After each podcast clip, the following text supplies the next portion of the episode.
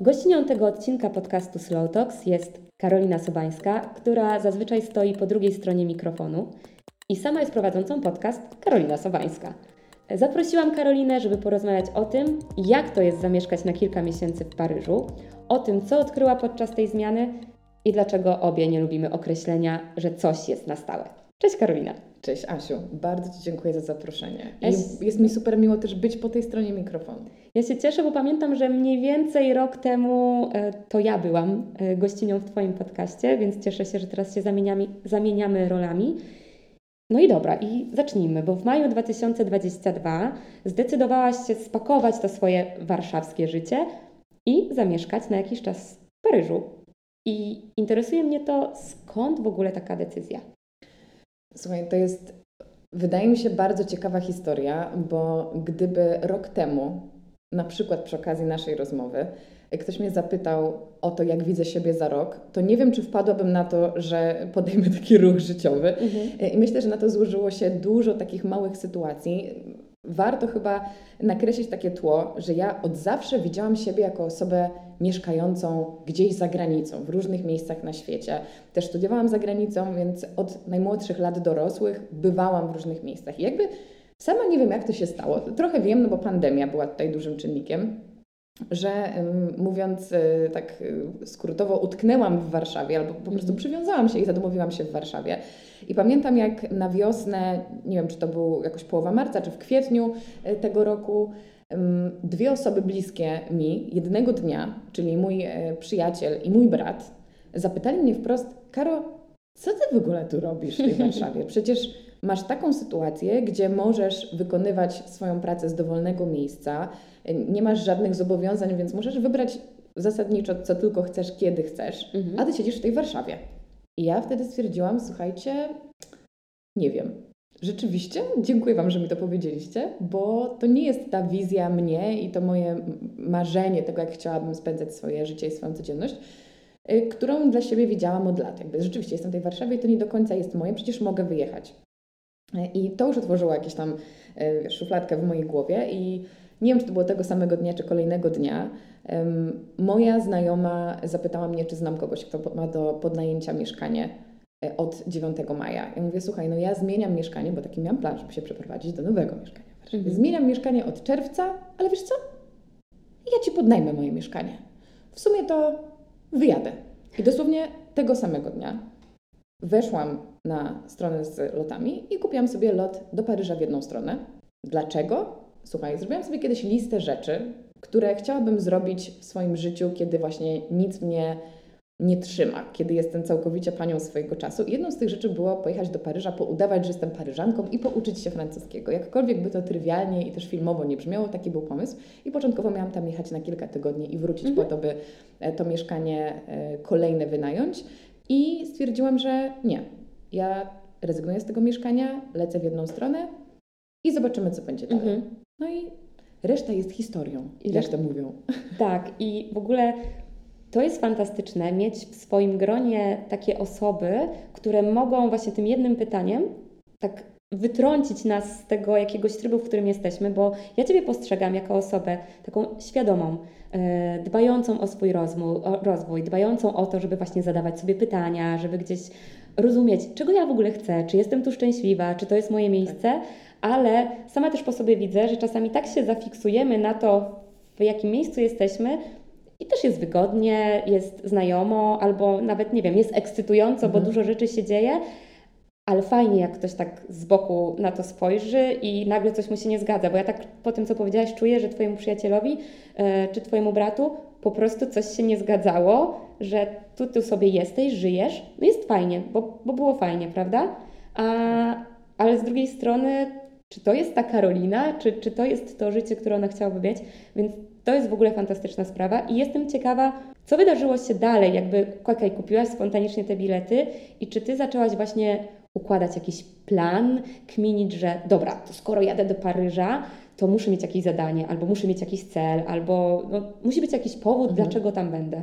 Generalnie moja osobowość, mój charakter jest taki, że ja od zawsze bardzo dużo planowałam, a powiem Ci, że cały ten koncept mój paryski był zaskakująco dla mnie spontaniczny i taki pełen zaufania. I myślę, że przynajmniej w moim przypadku, nie wiem, czy każdy się może utożsamić, to jest tak, że kiedy my nie próbujemy tak zawładnąć jakąś sytuacją, tylko ona sama tak płynie, mhm. to to oznacza, że dzieją się dobre rzeczy i że trzeba za tym pójść. I ja właśnie z perspektywy czasu jestem zdziwiona, że tak bardzo zaufałam temu procesowi, bo Karo sprzed kilku miesięcy wcześniej, czy sprzed paru lat wcześniej, byłaby przerażona, że jedzie gdzieś, gdzie nie ma gdzie mieszkać, nie ma co robić, jedzie po nic. Wiesz, to jest taka, taki ciekawy aspekt mojej, pewnie Twojej też kariery, że w momencie, kiedy się przenosisz, przeprowadzasz, to jest to Twoja no, fanaberia i nic Cię tak nie łączy fizycznie z tym miejscem. Tak. I ja czasami zazdrościłam takim neutralnym tego słowa znaczeniu osobom, które na przykład wyjeżdżają gdzieś na jakiś kontrakt albo na jakąś dłuższą konferencję, na jakiś mhm. projekt, bo wiedzą, że mają jakiś punkt zaczepienia, że tam poznają ludzi, jakby jest jakiś wyższy sens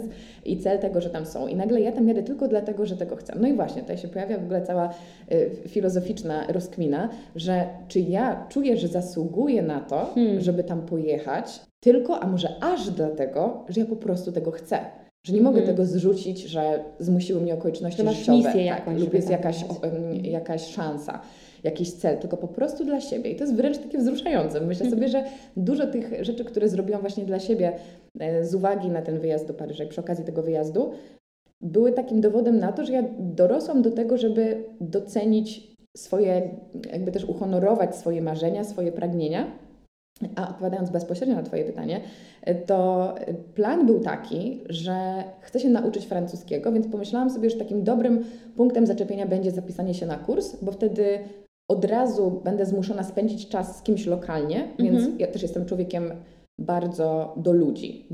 Lubię swój czas dla siebie, ale ja muszę mieć taką jakościową interakcję z ludźmi, bo inaczej po prostu jestem smutna i nieszczęśliwa. Więc zapisałam się na kurs, wynajęłam sobie Airbnb na dwa tygodnie i zupełnie jak nie Karo, stwierdziłam, że zobaczymy, co będzie dalej. I kiedy tam już przyjechałam i zaczęłam ten kurs, on trwał dosłownie 5 dni, więc to nie było jakieś, jakieś wielkie zobowiązanie i, i zamieszkałam w tym, e, w tym miejscu, w tym Airbnb, stwierdziłam, że jeżeli uda mi się jakimś cudem, proszę Państwa, mm -hmm. tak, cuda się zdarzają, znaleźć mieszkanie krótkoterminowo w tym mieście, to ja tam zostanę. A jeżeli się nie uda, to pojadę gdzieś indziej. I zdecyduję wtedy, jak ta sytuacja się w miarę możliwości rozwiążę, jak już będę wiedziała, mm -hmm. w którą stronę, czy w prawo, czy w lewo. Więc jestem w szoku, że się zdobyłam na taki, na taki właśnie krok zaufania i puszczenia, ale właśnie w takich chwilach dzieją się świetne rzeczy i tak też było u mnie. Ja w ogóle, no, rozmawiamy od dłuższego czasu ze sobą, nie tak. wiem, na przestrzeni tego roku, dużo, dużo myśli wymieniłyśmy, e, więc już po tych rozmowach ja wiem, że mamy dużo tych punktów wspólnych i ja mam dokładnie to samo. W sensie miałam dokładnie to samo i chyba wciąż się dziwię, jak reaguję, bo wcześniej w moim życiu to poczucie kontroli i, i to takie złudzenie, że ok, mam plan, wiem co, mam dom wynajęty, będę spokojna, będę mogła się tak. skupić na byciu w tym miejscu, bo nie będę musiała rozwiązywać na miejscu problemów, bo przecież już super o nie zadbałam przed wyjazdem. To mi dawało to poczucie takiej złudnej kontroli, że wszystko jest ok. Mhm. I myślę, że potrzebowałam do tego, żeby sobie właśnie dodawać otuchy w podejmowaniu tych decyzjach o trudnych decyzjach często, o zmianie, czy właśnie wrzuceniu się w nowe środowisko, które tak jak powiedziałaś, nie ma tam jeszcze tej wyższej misji, po prostu chcę zmienić, mogę zmienić i to zmieniam. I pamiętam, że jak decydowaliśmy się na wyjazd na Zanzibar, jakby spakowanie właśnie życia i, i wyprowadzka, to była wtedy jedyna opcja, żeby gdzieś zamieszkać, to chyba pierwszy raz tak świadomie do mnie przyszło, że ja nie wiem, co będzie. Ja nie mam pojęcia, jak to będzie wyglądać, więc ja chcę zaufać jakiejś wyższej sile, czy jakkolwiek by to nazwać, mojej intuicji, mojemu przeczuciu. I po prostu przez ostatnie dwa lata nauczyłam się, że o wiele więcej daje mi reagowanie na problem, który się pojawia, niż próba rozwiązania rzeczy, które potencjalnie mogą się zdarzyć. No bo trudno jest wynająć mieszkanie online y, krótkoterminowo, ale jednak na przykład nie korzystając z Airbnb. E, bo to jednak ja jak przeglądam mieszkania teraz w Hiszpanii, to zazwyczaj kiedy się odezwę online, to dostaję informację, proszę się skontaktować tylko po hiszpańsku, telefonicznie. I mam takie, mm, dlaczego nie możemy zrobić tego mailowo? Albo nie wynajmiemy tego zdalnie, musi Pani fizycznie się pojawić na miejscu. I jak kilka e, razy zderzyłam się z czymś takim, to stwierdziłam, dobra, ale już przechodziłam ten proces raz czy dwa, odpuść, znajdź coś na tydzień, właśnie na dwa tygodnie, tak jak ty i po prostu na miejscu wierzę, że wydarzy się ten cud, którym to nazwałaś. Jakby będę go przyciągać i będę w to wierzyć, że znajdę, jakby rozwiążę tą rzecz, ale wtedy, kiedy przyjdzie na to pora, a nie miesiąc, dwa, trzy przed, bo potrzebuję jakby zaspokoić to moje poczucie kontroli. I ja też cały czas się dziwię, że, że tak postępuję tak. teraz i to, i to jest zaskakujące. I zaskakujące też jest to, jak ludzie na to reagują, bo o tym też kiedyś rozmawiałyśmy i to było przy okazji mojego wyjazdu. I tak jak kiedyś wspominałaś przy okazji Twojego, że po prostu ta zmiana, spakowanie walizek, zostawienie mieszkania, że to nie jest, że wyjeżdżasz nawet na miesiąc czy mhm. dwa i Twój drip i Twoja kawka zostają w mieszkaniu, tylko po prostu wszystko pakujesz, nie wiem, zawozisz do rodziców, chowasz tak. do schowka, wyjeżdżasz. No i wtedy pojawia się to cudowne, trudne pytanie: O Boże, czy to tak na stałe?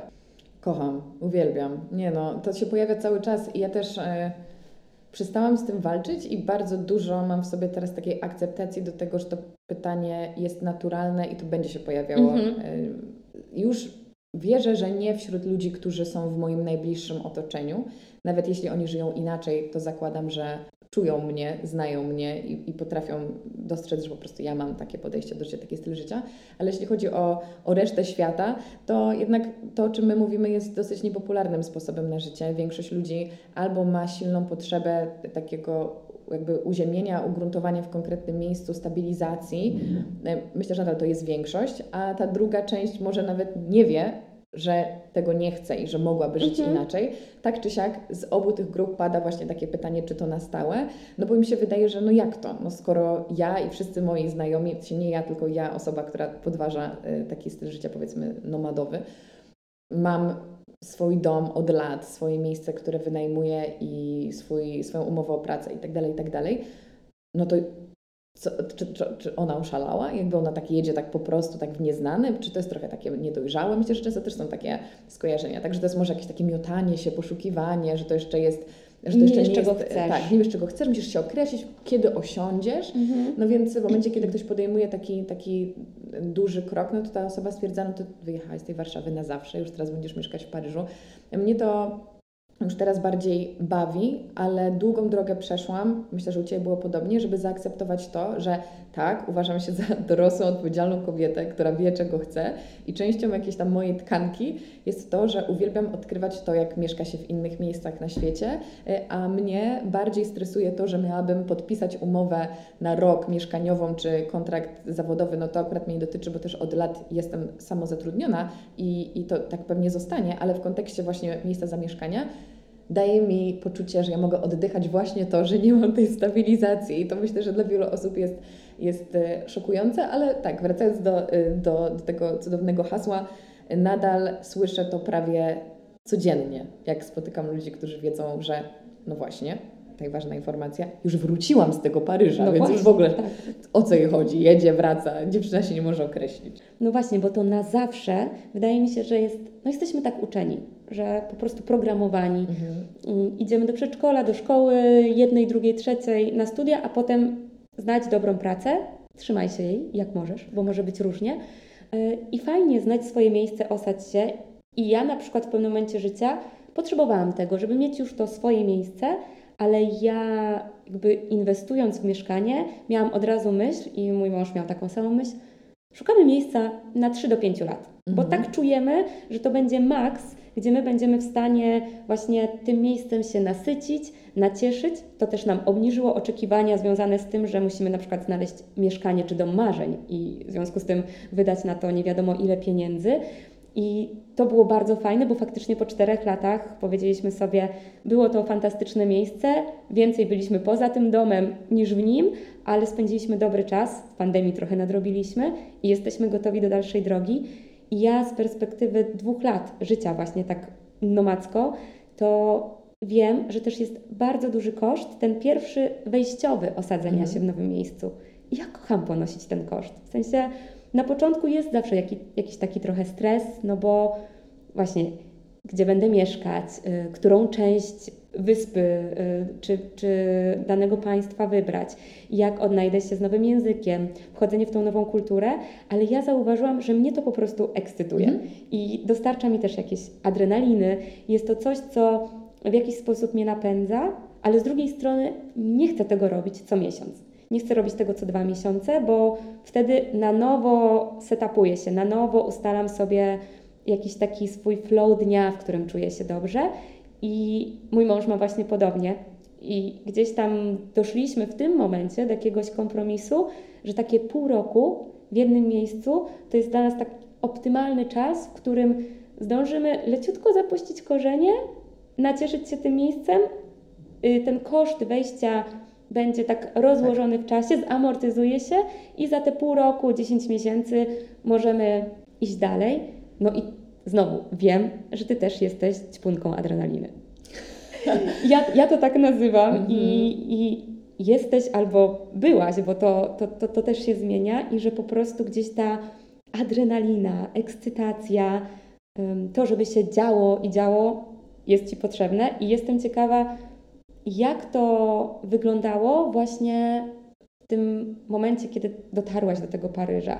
Czy, czy to była e, e, ekscytacja i adrenalina, czy było raczej tak, że hmm, gdzie jest to wszystko, po co tu przyjechałam?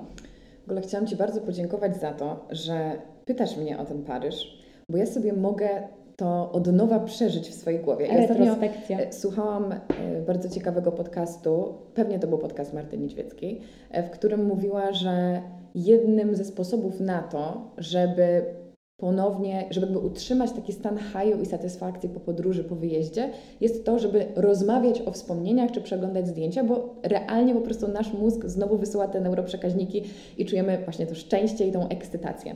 Ja nie wiem, nie wiem na ile bycie ćpunką adrenaliny to jest w ogóle pozytywne stwierdzenie, bo e, mhm. na pewno mam takie tendencje w sobie do szukania silnych emocji i dużo uczę się choćby w terapii e, takiego e, wypłaszczania tej mojej sinusoidy i raczej normalizowania takich zwykłości życia codziennego. Ale ostatnio doszłam do wniosku, że może zamiast na siłę robić z siebie domatorkę, która będzie teraz pielęgnowała swoje rytuały w swoim mieszkaniu, w którym zamieszka na najbliższe 5, 10, 15 lat, przestanę na siłę próbować się zmieniać, zaakceptuję to, gdzie jestem dzisiaj i wykorzystam to jakoś na swoją korzyść. Bo powiedziałaś też fajną rzecz, że na tym etapie życia coś tam, coś tam. No właśnie, jakby patrzeć na to z punktu etapów, tak. momentów, rozdziałów. Możliwe, że to, co mówię teraz, będzie za pół roku, za rok, może jutro, totalnie nieaktualne i to jest ok. Myślę, że mhm. my mamy w społeczeństwie bardzo małą tolerancję na zmianę zdania i to też właśnie pod kątem tego, e, że na zawsze wróciłaś, także my się chcemy jakoś określić. I kiedy ktoś całkowicie y, zmienia swój plan na życie, to wydaje nam się właśnie, że to jest jakiś, nie wiem, kryzys wieku średniego czy coś, tak? Często pojawia się, mm, nie wiem, w social mediach na przykład, gdy ktoś napisze najprościej, przez pół życia nie lubiłam kawy, potem wręcz ją hejtowałam, ale teraz od dwóch miesięcy zakochałam się w kawie. I jakby jest przedstawiony ten proces, a tak. i tak reakcja jest często jak tak możesz? Przecież mhm. zawsze hejtowałaś kawę, a teraz nagle pijesz kawę, zmieniłaś się, nie podoba mi się ta zmiana. No nie.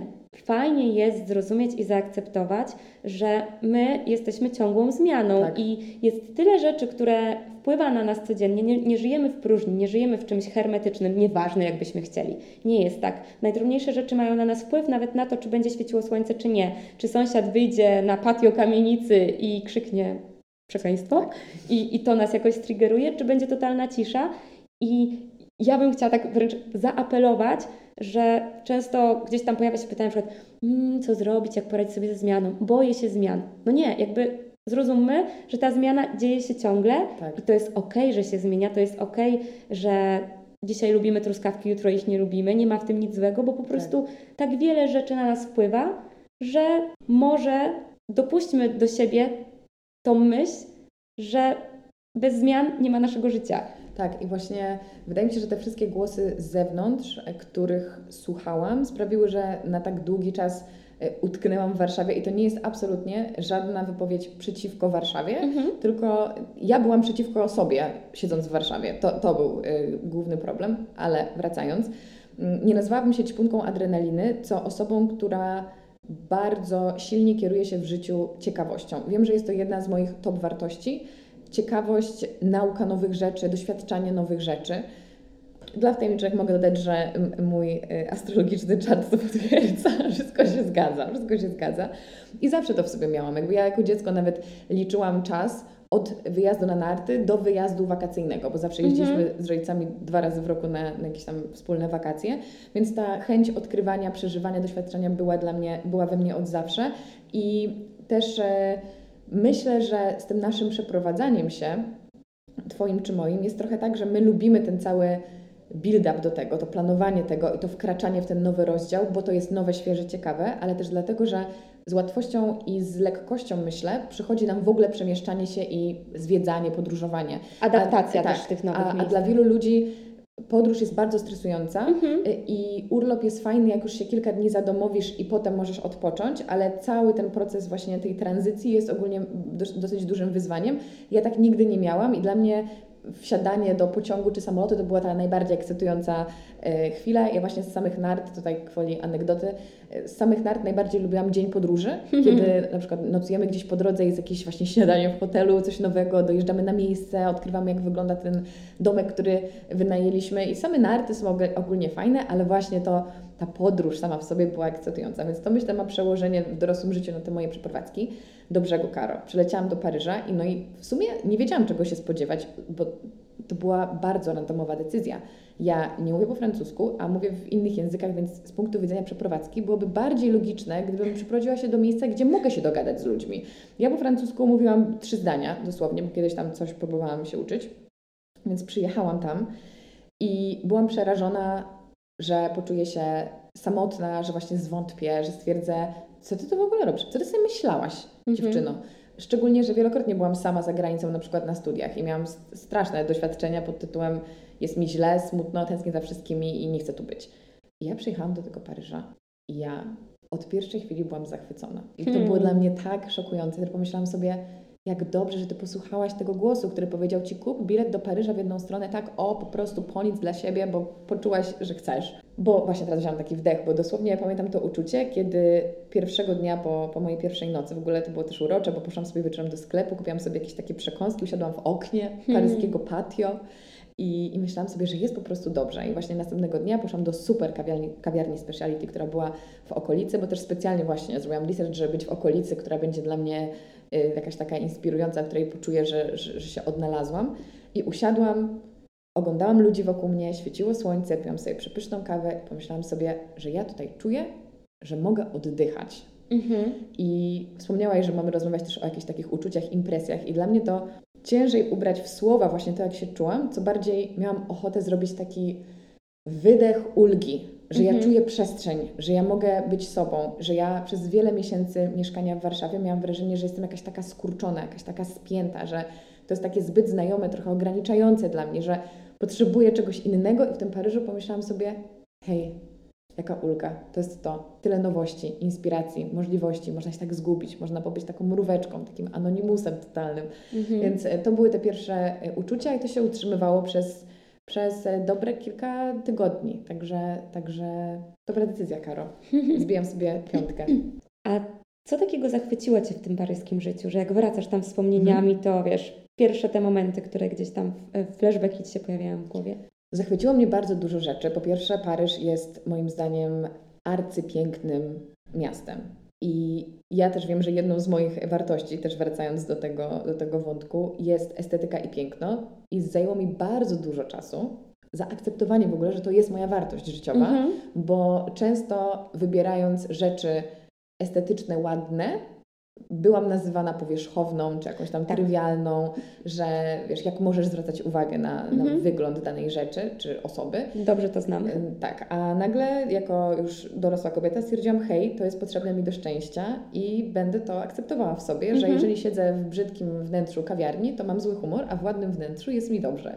I tyle. To I, jesteś ty. I to jestem ja i to, i to daje mi dużo szczęścia i tak było w Paryżu. Nagle jesteś w miejscu, gdzie wszystko jest ładne, wszystko jest estetyczne.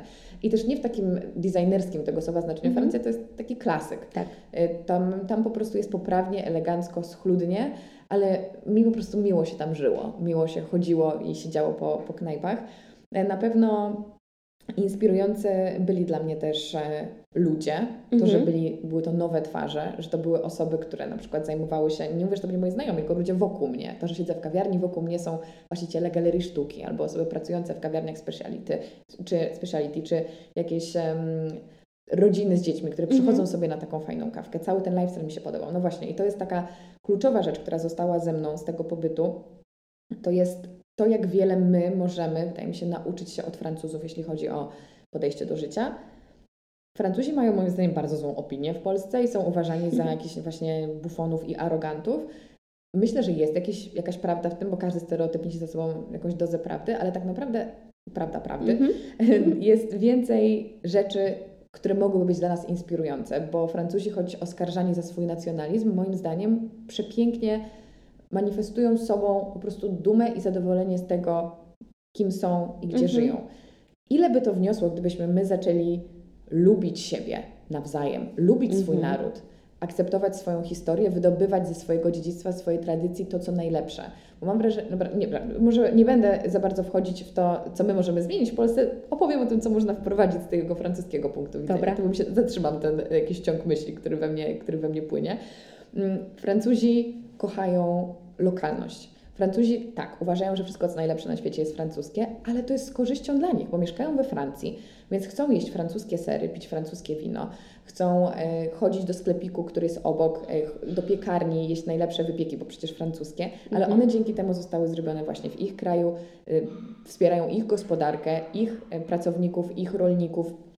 To wszystko jest w swojej tradycji bardzo zrównoważone. To nie jest jakiś trend, który przyszedł do nich, oni teraz się zajarali, nie wiem, jakieś sustainability czy coś Mhm. w tym stylu, tylko to jest w ich DNA i dla mnie to było przepiękne. I właśnie to podkreślanie tej lokalności, jak wiemy, to, co sprawia, że ludzie są szczęśliwi w tych wszystkich miejscach, na przykład blue zones, czyli strefach długowieczności, to Tak. oczywiście mnóstwo czynników takich lifestyle'owych, nie wiem, jedzeniowych, ale przede wszystkim za pierwszy z nich mówi się, jest to poczucie przynależności do grupy. Mhm. To, że mamy sąsiadów, że mamy panią ze sklepu, która mówi nam cześć, która zapyta, co słychać u naszych dzieci.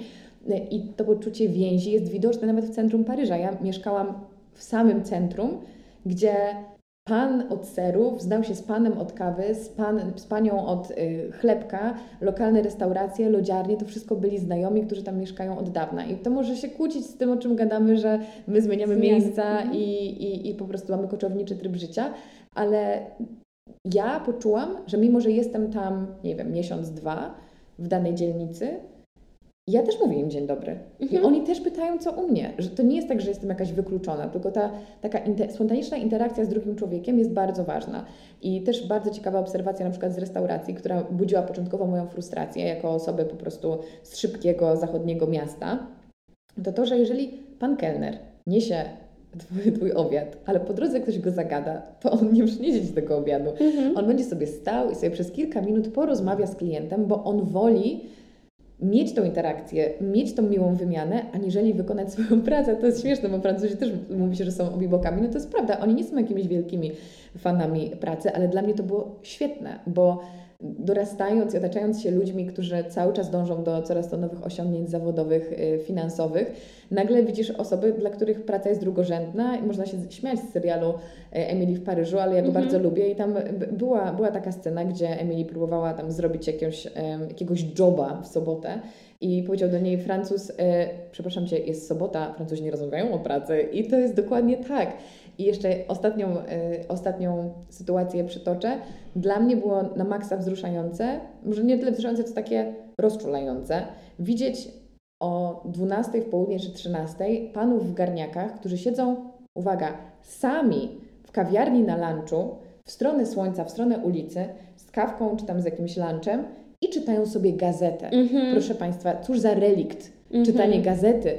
Nie uświadczysz tego w Warszawie. Oczywiście wiadomo, że pewnie jest mnóstwo osób, które czytają gazetę, ale patrząc na ulicę, patrząc na popularne kawiarnie, większość ludzi przychodzi z laptopem albo siedzi w telefonach. Oczywiście są też spotkania towarzyskie, ale żeby ktoś sam siedział, czytał sobie gazetkę, nie ktoś, pan biznesmen, Tak. który w Londynie czy w Warszawie powinien zagryzać na szybko bułę, wywalić ją w ogóle do kosza, bo nie zdąży, bo za, za, polał się kawą i biegnie na spotkanie. Nie wychodzić z biurowca, nie? Dokładnie. Tam jest to lunch, to jest świętość i tak jest z każdym posiłkiem, więc kocham Francuzów za, za to, że kochają dobre jedzenie i celebracja z ludźmi jest ich bardzo dużą wartością, bo to też jest bardzo bliskie mi i dlatego myślę, że poczułam taką więź z tym miejscem. O rany, otworzyłaś tyle wątków i po prostu z każdym zdaniem mi się coś otwierało, że dobra, to o to zapytam, a tutaj pociągnę ten wątek, więc jakby uporządkuję to sobie w głowie teraz podczas tego krótkiego potoku myśli, który zrobię. Bo ja mam taką relację z Paryżem, że ja jak tam byłam kilkanaście lat temu, to y, w hotelu nas okradli, wybili nam szybę w samochodzie, ukradli GPS-a i płyty CD z muzyką. Y, potem wszędzie były nakaz jazdy w prawo, z tego co pamiętam. Komisariat był 100 metrów od nas, żeby pojechać zgłosić to na komisariat, a my ciągle w to prawo i nie mogliśmy na ten komisariat dotrzeć. Y, nie pamiętam w jakiej dzielnicy byliśmy, ale też nie czułam się tam. To było raczej blisko centrum, mm. ale nie czułam się jakoś tam komfortowo. Miałam wtedy też 21-22 lata, więc mm, ja byłam zupełnie inną osobą. Potem jeszcze jadąc z Paryża do Reims, Reims, ja też nie znam francuskiego, więc poszła nam opona, więc jakby to był tydzień we Francji, gdzie działo się tyle takich niecodziennych nawet bym mm. powiedziała rzeczy i takich trudnych, bo zamiast właśnie cieszyć się tym czasem, E, trzeba było to, o to wszystko, o tym wszystkim zarządzać. E, potem, jak trzy lata temu leciliśmy na Bali, mieliśmy międzylądowanie w Paryżu, e, chcieliśmy sobie, chyba 12 czy 15 godzin mieliśmy, skoczyć do centrum na kawkę. Jakoś tak i obsługa, niekoniecznie my się poczuliśmy dobrze. I były strajki, więc później prawie spóźniliśmy się na nasz lot, że jakby ten Paryż nie był łaskawy. Mm. I, I, ja jakoś, oczywiście, będąc w biegu tam pewnie łącznie razem w moim życiu 8 dni, nie polubiłam się za bardzo z tym miejscem. E, nie przepadałam też kiedyś za francuskimi piosenkami, więc ta Francja w mojej głowie była taka, to, to nie jest mój, mój styl. Potem zaczęłam się na to otwierać, nie wracając do Francji, ale właśnie czy oglądając filmy, czy słuchając muzyki i to, co Ty teraz mówiłaś, to ja po prostu sobie myślałam, o nie, ja chcę mhm. jechać i, i jeszcze raz to sprawdzić. I, I fantastycznie, że tak o tym opowiadasz, no bo tak jak o nas, Polakach, są stereotypy, tak no, są osoby w naszym gronie, czy my, które pewnie te stereotypy w dużej mierze przełamujemy. I, I tak samo jest ze Francuzami, ale jest coś uroczego, właśnie bliskiego naszemu stylowi życia, że nie ma tego pędu, że nie jest źle, jeżeli ty nie siedzisz na dupie i nie zapierdalasz, tylko właśnie hej, jest słońce, to wyjdę na te 20 minut spaceru, żeby się naładować słońcem, albo pójdę wypić kawę, poczytać gazetę. Mi się właśnie z tym kojarzy Paryż. Tak. Z tymi gazetami i kawkami przy stolikach na zewnątrz, ogródkach i wszystko jest na słońcu. To jest fantastyczne.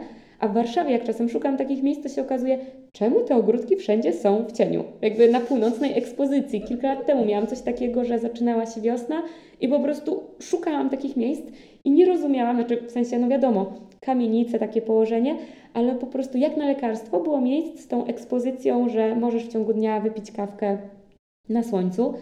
I chciałam nawiązać najpierw do tego, co Ty powiedziałaś o tym, że hmm, jesteśmy w jakichś miejscach na miesiąc, dwa, pół roku, a z drugiej strony jaramy się tym wejściem, tak w cudzysłowie trochę to powiem, wejściem w lokalność tak. i tym, jak żyją ludzie, ale ja mam takie same odczucia po Zanzibarze, po Barcelonie czy po Bali i w jednych miejscach trzy miesiące, w innych miejscach e, pół roku, ale po prostu to, jaką relację nawiązałam z paniami od pralni, gdzie nie byłyśmy się w stanie ani słowem porozumieć, bo one ni huchu po angielsku, ja po prostu w Bahasa y, dziękuję, dobrego dnia i, i jakieś podstawowe liczby, ale Każde nasze spotkanie to był wielki uśmiech na twarzy.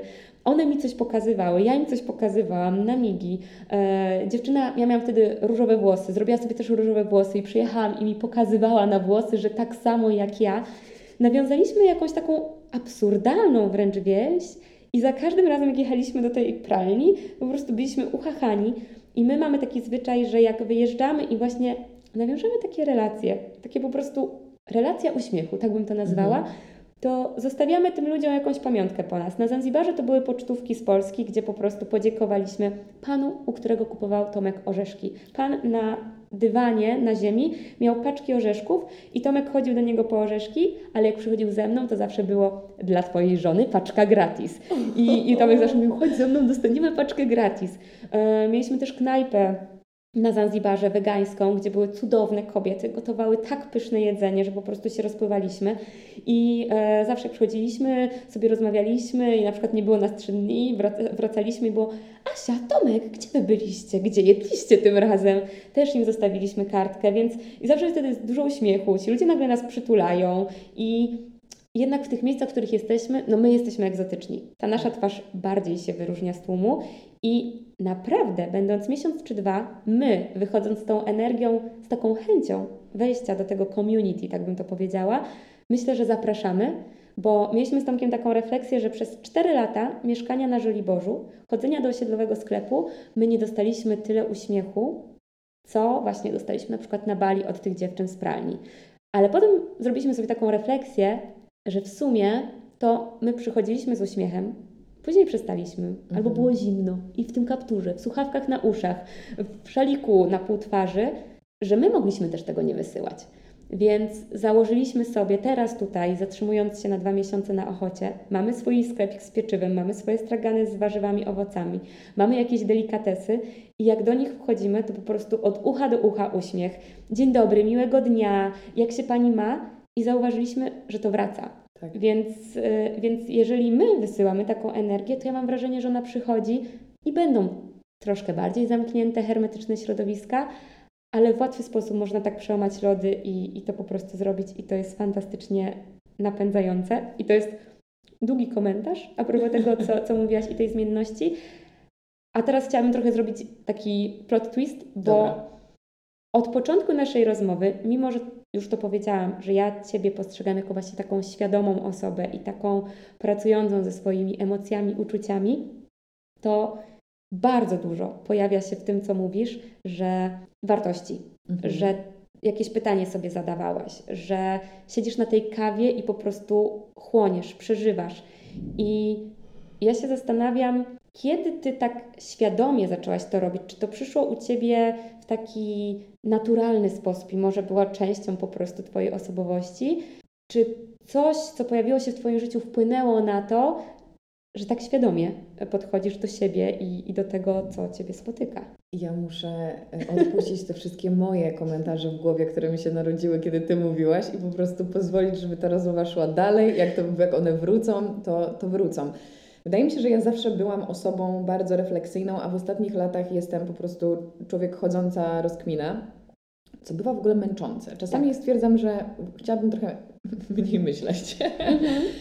Nie wiem, co konkretnego się wydarzyło, ale wiesz, jak zadawałaś to pytanie, to przyszła do mnie taka odpowiedź, że stety, niestety, ale po prostu chyba tak jest, że w momencie, kiedy zaspokoiłam jakieś takie swoje podstawowe potrzeby życiowe i znalazłam się na tyle uprzywilejowanym miejscu, żeby mieć przestrzeń i czas na taką refleksję i mieć mhm. tak dużą wolność w życiu, to wtedy zaczęły pojawiać się te pytania. Dlatego, że w momencie, kiedy nadal dążymy do jakichś konkretnych celów materialnych, to może trwać całe życie, to, to nas napędza i idziemy w jednym kierunku. To jest trochę takie, mogę to, nie wiem, myślę, porównać do czasów szkolnych dla mnie. Mhm. Że to był taki autopilot. Ja wiedziałam, że chcę być najlepsza ze wszystkiego, po prostu zdać najlepiej wszystkie egzaminy, być najlepsza na studiach i nie, nie, jakby nie kwestionowałam tego za bardzo, tylko była jakaś misja i tak. po prostu prymuska leci i, i, wiadomo, jakie są oczekiwania i co jest do zrobienia. Mhm. I w momencie, kiedy już e, zajmowałam się swoją firmą już nie studiowałam y, i osiągnęłam jakiś taki moment, gdzie czułam się bezpiecznie mhm. w swojej sytuacji,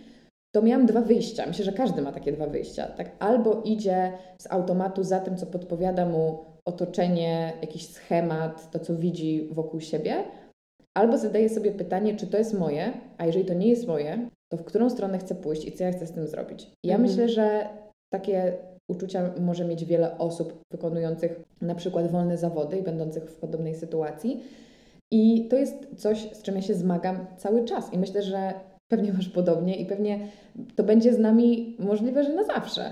Że jeżeli masz tyle możliwości, to jest taki paradoks wyboru, prawda? Że tak to jest piękne i to na pewno jest marzenie niejednej osoby, która pewnie nas słucha, tak? żeby móc zdecydować o tym, gdzie zamieszkam, jaki zrobię projekt zawodowy, o której wstanę, gdzie pójdę na obiad. Jakby to jest tyle, to jest po prostu raj. Mhm. No tak, z jednej strony to jest raj, ale z drugiej strony nasz cudowny mózg nie jest za bardzo fanem sytuacji, w której musi podejmować tysiące decyzji spośród tysięcy, milionów opcji, bo to jest męczące. Mhm. I ja łapię się na tym, że po prostu czasami totalnie nie wiem, co ja chcę zrobić i wszystko podważam, bo mam do wyboru za dużo. Mhm. Więc to jest taki mój y, ból y, tak zwanej dupy, tak. z którym się mierzę i pewnie taka cena, którą się płaci właśnie za to super fajne, y, freelancerskie, pełne wolności życie. I nie wiem, czy to odpowiada na Twoje pytanie, ale myślę, że, że ja nadal jestem i wiecznie będę tą podważającą,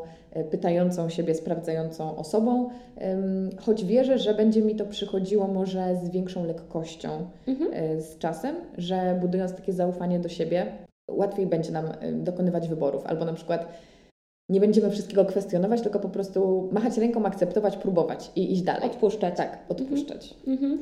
Ja myślę, że jak najbardziej to jest, w sensie no, nie ma w mojej głowie odpowiedzi na to pytanie i, i, i, jakiegoś takiego zamysłu, w jaką stronę ta odpowiedź powinna pójść, ale wydaje mi się, że to, co wybrzmiewa, to po prostu fajnie zadbać o to, żeby znajdywać dla siebie przestrzeń na to, żeby po prostu te pytania mogły się jakoś pojawić. I ty swoją pracą i, i, zainwestowaniem energii w różne rzeczy, podjęciem też ryzyka i, i zdecydowaniem się na taki, moim zdaniem, odważne ruchy, bo wykraczające poza ten mhm. schemat, no bo tutaj znowu możemy sobie piątkę zmienić, bo ja też byłam e, prymuską, e, najwyższe średnie, wszystkie wysokie oceny z każdego przedmiotu, bo ja po prostu naprawdę wierzyłam, że robię to dla siebie, tak. bo dzięki temu zapewnię sobie super przyszłość, tak. bo potrzebuję takiej wolności, niezależności i jak teraz w to zainwestuję, to przyszłość na pewno przecież dostanę się na super studia, a potem będę miała super pracę i będę długo i szczęśliwie żyła. I Wiadomo. Tyle. Nie było wyobrażenia tego, co to de facto znaczy, ale też mocno, mocno w to wierzyłam i też zaczęłam to podważać, że kurczę, a może nie tędy droga.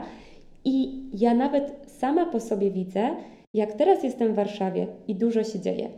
Nadrabianie jakichś takich po roku nieobecności towarzyskich znajomości Pojawiają się fajne projekty, których nie da się zrobić online, tylko po prostu trzeba być fizycznie, jak to malowanie ścian w przedszkolu. No to jednak nie zrobimy tego online.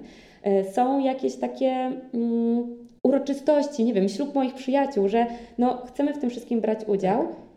I nagle okazuje się, że ja z mojego dnia, który zazwyczaj wyglądał tak, że do 12 mam przestrzeń swoją, potem pracuję, no i wieczorem jest jakby drugi, druga część tej mojej przestrzeni, nagle rano coś mi pcha do tego, że nie piję tej kawy tak spokojnie, mm. jak piłam, bo tu na patio kamienicy już jest ruch, już, tak. już ludzie chodzą, już się dzieje.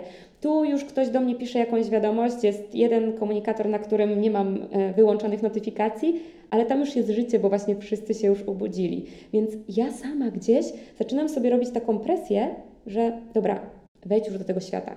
Ludzie już nie śpią, zobacz co się dzieje. I Zazwyczaj po dwóch, trzech dniach, jakby ja już jestem świadoma tego, jak to działa, ale po takich dwóch, trzech dniach intensywnych, teraz w zasadzie mieliśmy taki tydzień, gdzie ja nie do końca miałam przestrzeń, żeby wejść w swoją głowę, to ja wiem, że mi strasznie tego brakuje i że ja trochę zatracam siebie i jak sobie wracam do czasów pracy na etacie, to ja kochałam mieć dni wypełnione po brzegi. Mhm. Pobudka do pracy, intensywnie, fajnie, dużo ludzi, 8 godzin. Potem siłownia, to chyba był jedynie czas, w którym mogłam gdzieś tam pozwolić moim, mojej głowie płynąć, bo też kinestetycznie mi się najba- najlepiej myśli, więc po prostu tam miałam przestrzeń dla siebie. A potem albo spotkanie towarzyskie, albo powrót do domu, to czas z moim mężem, przygotowywanie jedzenia na kolejny dzień, robienie, nie wiem, jakiejś pracy na Insta, na Insta Stories, dodawanie czegokolwiek. Nie było przestrzeni na czytanie książki, tak. bo ja po prostu byłam tak, tak. przebodźcowana, tak było dużo rzeczy. Czas. Planowanie kolejnej podróży. W piątek 15 wyjście z pracy, 16.30 samolot. Lecę. Lecę w to miejsce. Dużo nowych bodźców. Chcę jak najwięcej wyciągnąć. Chcę jak najwięcej się dowiedzieć. Chcę jak najwięcej miejsc odwiedzić. Wracam, niedziela 23, idę spać, w poniedziałek rano do pracy. O, I aż mnie zestresowałaś, jak słuchałam. Ja, jak to mówiłam, to się zestresowałam. Więc yy, właśnie to a propos tej mojej ćpunki adrenalinowej, bo właśnie ja dlatego mhm. mówię ćpunka adrena, adrenaliny, bo nie uważam, że to jest dobre, że to już jest czasami tak. tłumacz, że to jest po prostu gdzieś przesada i że jak tego nie ma, to się czujesz źle. Więc ja byłam wtedy tą ćpunką adrenaliny totalnie, żeby sobie ciągle coś dostarczać, bo bałam się, że coś mnie ominie, bo bałam się, że nie wykorzystam dobrze tego czasu. I wtedy nie pytałam siebie, nie zadawałam sobie tych pytań, nie miałam miejsca na rozkminki, może nawet niekoniecznie miejsca na podważanie, bo po prostu leciałam i w sumie jak się pojawiała przestrzeń, to trochę dopadały mi lęki, że hmm, czy to jest ok, że ja dzisiaj nic nie robię? Zmarnowałaś pół dnia? Tak, pozwalaliśmy sobie na taki weekend chillowy, jeden w miesiącu, jak zostawaliśmy w Warszawie, nie wychodziliśmy po prostu spod koca i nie chcieliśmy się z nikim spotykać, a teraz po prostu ja wiem, że potrzebuję tego jak tlenu i myślę, że puentą e, te, tej mojej myśli jest to, że jeżeli ktoś z Was słuchających się miota albo nie czuje, że jest w tym miejscu, w którym jest, niezależnie co robi, czy jest na freelance, czy jest na etacie, czy nie pracuje, to fajnie sobie właśnie zwolnić i Mm. fajnie sobie tą adrenalinkę, tą ekscytację odpuścić. Odpuścić sobie tych ludzi, odpuścić sobie rzeczy, które się robi, żeby tak posiedzieć ze sobą przez jakiś czas i robić to cyklicznie, bo to nie jest jednorazowa sprawa i po prostu raz w tygodniu, nie wiem, mieć randkę y, sama ze sobą, y, samemu ze sobą, żeby usiąść, nie mieć bodźców telefonicznych, nie mieć, mm, nie wiem, innych ludzi naprzeciwko, tylko tak sobie usiąść z tą przysłowiową gazetą, jak ci Francuzi, Tak. i po prostu posiedzieć. Albo z czystą kartką. Ale chciałam, chciałam powiedzieć, że ja mogę się przyznać do tego, że ja czuję, że ja się teraz miotam. Mhm. bo jestem chyba półtora miesiąca w Polsce, w Warszawie i większość tego czasu wspominam super, bo to był sierpień, mój miesiąc urodzinowy, mnóstwo atrakcji, no właśnie. Ciepło. Ciepło, to w ogóle jest kluczowe, bo nawet jak dodam, jak mówiłaś, że potem zrobiło się zimno, już nawet się Wam nie chciało uśmiechać do Pani. Ja uważam, że słońce rozwiązałoby wiele problemów w tym Mhm. kraju i rozwiązuje Mhm. na pewno wiele problemów w moim życiu. Ale w sierpniu miałam super czas, ale patrząc na to wstecz, myślę sobie, no było super. Było dużo pracy, ale było też bardzo dużo atrakcji, więc takich dla mnie, więc powiedzmy, że to nie było wpa- wpadnięcie w warszawski pracoholizm, który też e, mnie dopada e, niestety. Ale mimo wszystko, poczekaj, bo teraz e, zgubiłam myśl, że, a, że tam nie było przestrzeni na właśnie taki zwykły czas wolny. Ja płynęłam na tej fali adrenaliny, bo się działo, bo się działo. Oczywiście w momentach, kiedy było trochę e, luźniej, to ja mówiłam, że odpoczywam, ale właśnie też był taki niepokój, czy to nie jest aby na pewno zmarnowany dzień. Mhm. E, I, I teraz tak jak przyznaję się do tego, że się miotam, to widzę, że kiedy przebodźcowujemy się nawet w ten pozytywny sposób, lubiąc swoją pracę, lubiąc swoje aktywności poza, się śmieję, pozalekcyjne, tak jak Ty Mhm. mówisz, no bo wiem, że też lubiłaś to swoje życie Mhm. na, w tym tempie, to brakuje właśnie tego momentu, żeby zapytać się siebie, dokąd ja w ogóle zmierzam Mhm. w, w tym pociągu. I dlatego ja ostatnio też zaobserwowałam, że nie, nie pamiętam kiedy y, czytałam książkę, bo zawsze mi się wydawało, że mam tyle rzeczy do zrobienia, nadrobienia i tyle osób do, do odhaczenia, że, że nie mam na to przestrzeni. W ostatnich dniach nad tym pracuję, ale do czego dążę? Do tego, że mam takie e, poczucie i daj znać, czy Ty też tak masz, że my przez tą naszą podatność na korzystanie z atrakcji i to y, jakby, nie wiem, czy korzystanie z bodźców, ale też jakby reagowanie na te bodźce, mamy pewną formę takiej dobrej, bezpiecznej ucieczki właśnie w tych wyjazdach. I ja, pomimo, że dla mnie jest to bardzo trudne wyjeżdżać z Polski, bo tęsknię za bliskimi, naprawdę brakuje Mhm. mi moich przyjaciół i ja się wielokrotnie czuję mega samotna. Ja w Paryżu czułam się strasznie samotna przez długi, długi czas, ale też był to taki moment właśnie jakiejś takiej e, introspekcji, co część mnie cieszyła się, że ja nie mogę iść na ten event Tak. że ja nie dam rady zrealizować tego nagrania, że tak, omija mnie coś, ale dzięki temu nie mam całego zawalonego dnia rzeczami, które tak naprawdę nic nie wnoszą do mojego życia, ale głupio byłoby nie skorzystać. Mhm. I tak samo teraz, kiedy jestem tutaj te kilka tygodni, mogę spokojnie powiedzieć, że jestem gotowa się trochę zdystansować, bo to miasto działa na mnie właśnie tak trochę narkotycznie, że mnie wkręca w taki wir, a ja na koniec dnia nie wiem, jak się nazywa. to daje znać, że mam dokładnie tak samo, o dziwo. I ja wczoraj e, bliskiej mi osobie właśnie powiedziałam, że kocham tych ludzi, których tu mam. Kocham te chwile, które możemy w taki czas spędzać.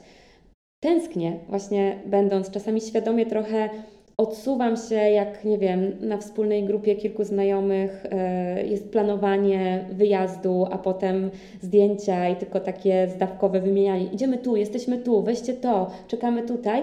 To autentycznie nie mam ochoty tego czytać, bo Mhm. robi mi się smutno, że kurczę, właśnie takie smutno, może inaczej, smutno takie e, Sentymentalne. sentymentalne, że chciałabym teraz ich przytulić i, i teraz się z nimi pośmiać i powymyślać te wszystkie głupoty, które oni za chwilę będą wymyślać. I to byłoby fajne, a po chwili, nie wiem, patrzę na te palmy, na te bananowce, yy, siedzę na kanapie yy, na dworze, świeci to słońce i sobie myślę, ale tu jest teraz moje miejsce i tego bardzo potrzebuję. I ja rozumiem właśnie czemu tak polubiłam ten styl życia i czemu tam mam w sobie dużo spokoju. Jestem w stanie pielęgnować te rzeczy, które na mnie dobrze wpływają, te, te rytuały.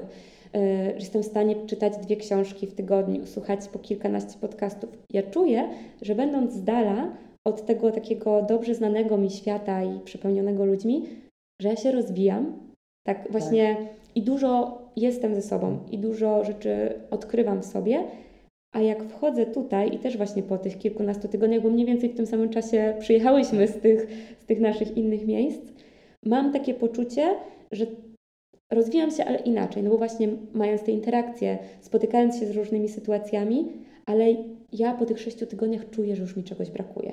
I to nie jest wyrzut na zasadzie, o Boże, nie czytałam książki, mhm. o Boże, nie nauczyłam się nic nowego, tylko to jest tak, że po prostu ja czuję, że moja głowa, mój organizm, moje wszystko chciałoby tego momentu i jest mi tysiąc razy trudniej znaleźć na to przestrzeń, niż tak. właśnie w tych innych okolicznościach, będąc taka zdystansowana, odseparowana. I to jest moja taka nowa myśl, że jakby też tego nie rozumiałam i nawet sobie tak pomyślałam, że jeżeli przez kogoś w social mediach byłam odbierana jako ta osoba, która mm, wstań wcześniej i przeczytaj książkę, albo znać przestrzeń na to, żeby ze sobą porozmawiać, Kurde, Aśka, to jest mega proste, kiedy sobie siedzisz tak, na Bali, tak. odizolowana trochę, jakby bardziej pracujesz z tym, żeby odpuścić tęsknotę za jakimiś rzeczami, niż podejmować decyzję, czy iść tam, czy iść tu. Spotykają Cię też inne rzeczy, bo jesteś w obcym miejscu, jakby nie, bardziej odkrywasz, właśnie tak. ta ciekawość jest pobudzana, niż mierzysz się z tymi codziennościami. I teraz, jak jestem tu 6 tygodni, jakby myślę o tej mnie, która miała te myśli i te złote rady, mm-hmm. to mówię, kurde, jakie to jest trudne.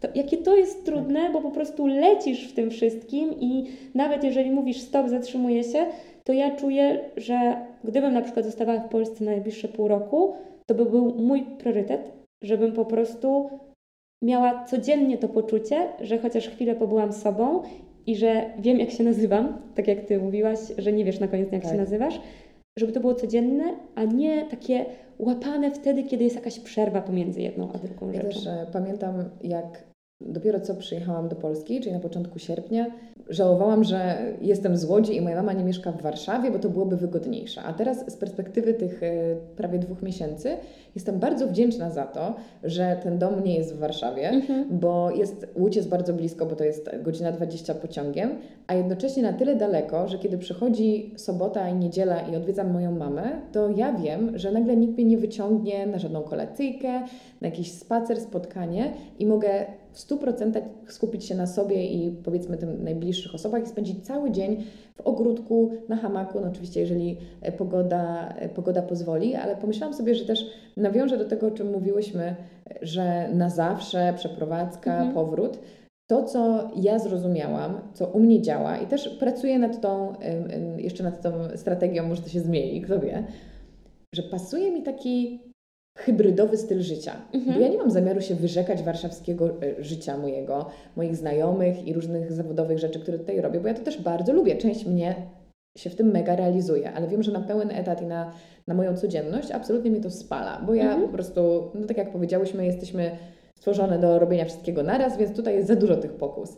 I dlaczego miałabym mówić temu nie na zawsze, wyjeżdżać gdzieś daleko, tęsknić za rodziną i tworzyć sobie nowe życie w innym miejscu, skoro mogę być oba? Mhm. Mogę odkrywać, inspirować się. To jest dla mnie dosyć istotny element, że ja potrzebuję tych wyjazdów po to, żeby poinspirować się, odświeżyć swoją głowę, bo też e, mój podcast jest dla mnie też takim jest oczywiście moim dzieckiem i mam w nim takie poczucie misji, że chcę przedstawiać gdzieś wątki, tematy, o których się jeszcze może nie mówi, które są świeże, które się dopiero wykluwają, o których ja usłyszałam w podcastach zagranicznych, albo myśli, które przyszły do mnie, no właśnie, kiedy mogłam się odsunąć, bo tak. oryginalne pomysły przychodzą do nas właśnie wtedy, kiedy się nudzimy przysłowiowo i po prostu dajemy sobie chwilę na ten oddech. Y, I dlatego ja wyjeżdżam w miejsca, które mnie fascynują po to, żeby zebrać tych inspiracji i przyjechać do Polski, móc się tym dzielić, by na tych wysoko naładowanych bateriach dalej działać. No, a w momencie, kiedy poczuję, że już mi troszkę ten tank mój mhm.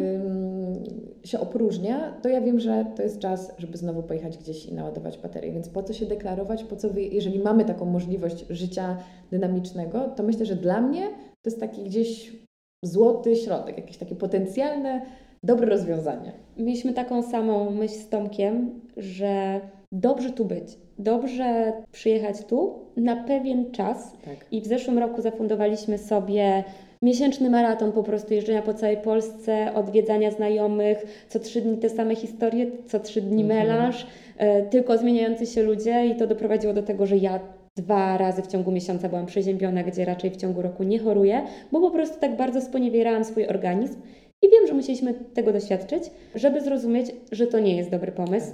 To też były trochę inne okoliczności, bo w sumie ostatnie dwa lata my trochę na tą jesień uciekaliśmy przed tym, co się wydarzy w związku z pandemią. Za mhm. chwilę nie będzie lockdownów, zamknięć, dodatkowych miliona obostrzeń, żeby gdzieś wyjechać, więc trochę uciekaliśmy i my między sobą ja zresztą od czasów szkolnych w mojej głowie nowy rok zaczynał się we wrześniu.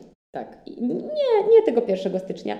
Po prostu wrzesień to był początek nowego roku i nowe pomysły, nowe plany, nowe buty. tak jak na nowy rok szkolny nowe buty, to we wrześniu nowe buty. I tak samo ma Tomek i nam to tak zostało. A jeszcze to, że my dwa lata temu wyjechaliśmy we wrześniu, rok temu przyjechaliśmy we wrześniu do Polski, wyjechaliśmy na koniec września, ale że to było takie nowe, mhm. zmiana. I my się mówiliśmy, że dla nas te, takie cykliczność, ta, ta roczna, rozpoczyna się właśnie, właśnie wrzesień, październik i to nam też taki, ułatwia nam to, ustawia taki zegar i tak sobie mówiliśmy, że w sumie to byśmy chcieli lipiec, sierpień, wrzesień spędzać właśnie w Polsce, bo duża szansa, że będzie ciepło, duża szansa na fajne aktywności ze znajomymi, czy kajaki, czy jeziora, tak. E, dużo się dzieje, festiwale. Lato w Polsce jest super. Mm, to też pod kątem jakimś takim projektowym, e, jeżeli chodzi o nasze studio projektowe, jest super czas, bo wszyscy się szykują na wrzesień, październik, listopad, grudzień, więc w naszej branży tej projektowej to jest taki, e, dla wielu branż to jest sezon ogórkowy, mhm. u nas to po prostu dzieje się, bo wszyscy chcą być gotowi na ten wrzesień, październik. Więc wszystko nam mówi, że to jest ok. I właśnie tak sobie założyliśmy, że te 9 do 10 miesięcy w tym innym, ciepłym klimacie przetrwanie po prostu zimy, gdzie, tak. gdzie jest ciepło, to jest fantastyczna sprawa. Wtedy właśnie możemy też w dużej mierze skupić się na sobie, ale chcemy, tak jak powiedziałaś, hybrydowo pojawiać się tu, tu w Polsce i ja uważam, że to jest ogromny luksus. Tak. Ogromnym luksusem nazywam to, że jeszcze nie wiemy, gdzie będziemy mieszkać w zasadzie za trzy tygodnie. I chyba nie spodziewałabym się, że będę z takim spokojem o tym myśleć, mówić, plus, że będę właśnie ten luksus miała. To w tym momencie bardzo pasuje do tego, jak chcemy żyć. Ale nie wiem, czy za rok, czy za dwa nie powiemy sobie, hej, fajnie jednak byłoby mieć ten dom, w którym możemy mieć, nie wiem, więcej swoich rzeczy tak. i że to jest ten nasz dom. Z moka masterem. Z moka masterem, dokładnie, którego nie będziemy wozić ze sobą w plecaku, tylko będzie stać i chcemy mieć dom, do którego będą przyjeżdżać nasi, nasi przyjaciele, bo to jest teraz dla nas ważne. Jestem totalnie otwarta na to, co się zmieni, ale podpisuję się pod tym, że ten model hybrydowy to jest to. I tak już zmierzając ku końcowi, ja bym Cię chciała jeszcze bardzo zapytać o to, czego teraz pragnie Karo Sobańska? Też bym chciała wiedzieć. Okej. Okay. Okej. Okay. Wiesz co, ostatnie, ostatnie dni były, były dla mnie szczególnie refleksyjne, więc też e, jest to, jest to ciekawy timing naszej, mhm. naszej rozmowy. Ja wracałam pamięcią właśnie do tego Paryża też e, w swoich przemyśleniach ostatnich dni, że pomimo tej dużej dozy samotności i tęsknoty za domem, to, co, czego doświadczałam podczas tego pobytu, to było właśnie dużo czasu ze sobą, dużo pomysłów i dużo aktywności takich po prostu dla mnie. I ja wtedy po raz pierwszy zrobiłam te rzeczy, które pisałam sobie na postanowieniach noworocznych od liceum, mhm. czyli właśnie chodziłam na francuski, e, chodziłam na lekcje pianina, które już zaczęłam wcześniej, czytałam dużo książek e, i znowu wróciłam właśnie do intensywnego słuchania podcastów, które były w dużej mierze w ogóle zalążkiem mojego podcastu, więc gdzieś taki mhm. powrót do korzeni do tego, co ja chcę robić. I w ostatnich dniach doszło do mnie, że w tak krótkim czasie pobytu tutaj, ja to wszystko odstawiłam na dalszy plan. Tak. Więc e, czego chcę dla siebie, to na pewno poświęcenia większej, większej ilości czasu na to, co sprawia mi frajdę dla mnie, tak o po prostu, co tak jak wspomniałyśmy, jest e, dużym wyzwaniem wśród tych wszystkich atrakcji warszawskich, także wierzę, że jakoś znajdę na to czas i też sobie tak zorganizuję życie, żebym mogła w jakimś spokojnym miejscu, tutaj jeszcze nie wiadomo jakim, się tym, się tym zaopiekować. I wiesz co, mam też e, takie poczucie, wspomniałam Ci o tym przed nagraniem, że ja się czuję bardzo spełniona zawodowo i to, bardzo lubię to, co robię i chciałabym dać sobie większe przyzwolenie na to, żeby zostawić tak, jak jest pielęgnować to jako kochane roślinki, ale nie próbować sadzić nowych y, biznesowych kwiatków, tylko właśnie dać sobie na tyle przestrzeni i takiej nudy czy, czy inspiracji, jak zwał, tak zwał, żeby poczuć to, jakie tematy łapią mnie za serce i za jakimi, nie wiem, czy to będą problemy, czy, czy akcje, inicjatywy, mm, zjawiska, chciałabym się opowiedzieć, zaangażować i, i wierzę, że ten, ten najbliższy czas będzie taki dla mnie bardziej właśnie o poszukiwaniu swojej, może jakiejś innej misji. To brzmi tak wszystko strasznie górnolotnie, ale, ale życzę, sobie, życzę sobie znalezienia tego, co naprawdę chciałabym jeszcze robić. Więc to jest ten mój mindset na ten moment. I niekoniecznie musi być to związane z jakimkolwiek biznesem. Wręcz to... w ogóle mi na tym nie zależy. Mhm. Raczej albo z rozwijaniem karo dla karo, żeby utulić małą karo yy, i żeby móc zrobić coś dobrego w świecie, bo myślę, że nie ma nic bardziej satysfakcjonującego, co możesz sama powiedzieć po Waszych różnych mhm. projektach charytatywnych, że oczywiście jest ten aspekt pomocy światu, ale nam jest po prostu dobrze ze sobą, kiedy mhm. robimy dobrze dla innych ludzi i nie wiem, zwierząt, czy, czy dla świata po prostu. Tak, i ja Ci bardzo tego życzę, żeby, żeby ten najbliższy czas właśnie mm, odpowiedział na te Twoje potrzeby, które masz dzisiaj, lub na nowe potrzeby, które się z czasem y, mogą pojawić. I tak sobie myślę, że jestem ciekawa, w jakim kierunku to się rozwinie, i może wtedy złapiemy się i znowu i o tym pogadamy, dlatego że też patrząc na moje otoczenie, wydaje mi się dosyć nowym podejściem właśnie powiedzenie stop, to co mam, to jest wystarczające, tak. a umówmy się, że nie mówimy o posiadaniu 10 mieszkań tak. E, w różnych częściach świata i lataniu tak, luksusowymi tak, samolotami i tak nie dalej. Nie jestem tutaj multimilionerką, która stwierdziła, że enough. Że enough, tak, że, że, że jakby gdzieś tam ta praca ciągle będzie obecna i, i, i to finansowanie jakby wciąż jak potrzebujesz tej płynności, żeby tak, móc tak. żyć w taki sposób, więc to nie jest, że złapałaś Pana Boga za nogi i po prostu teraz mm, mam emerytura. emerytura i teraz skupię się na sobie. I że jakby możesz więcej, ale Ty świadomie mówisz stop. To nie tak. jest to, na czym mi teraz zależy.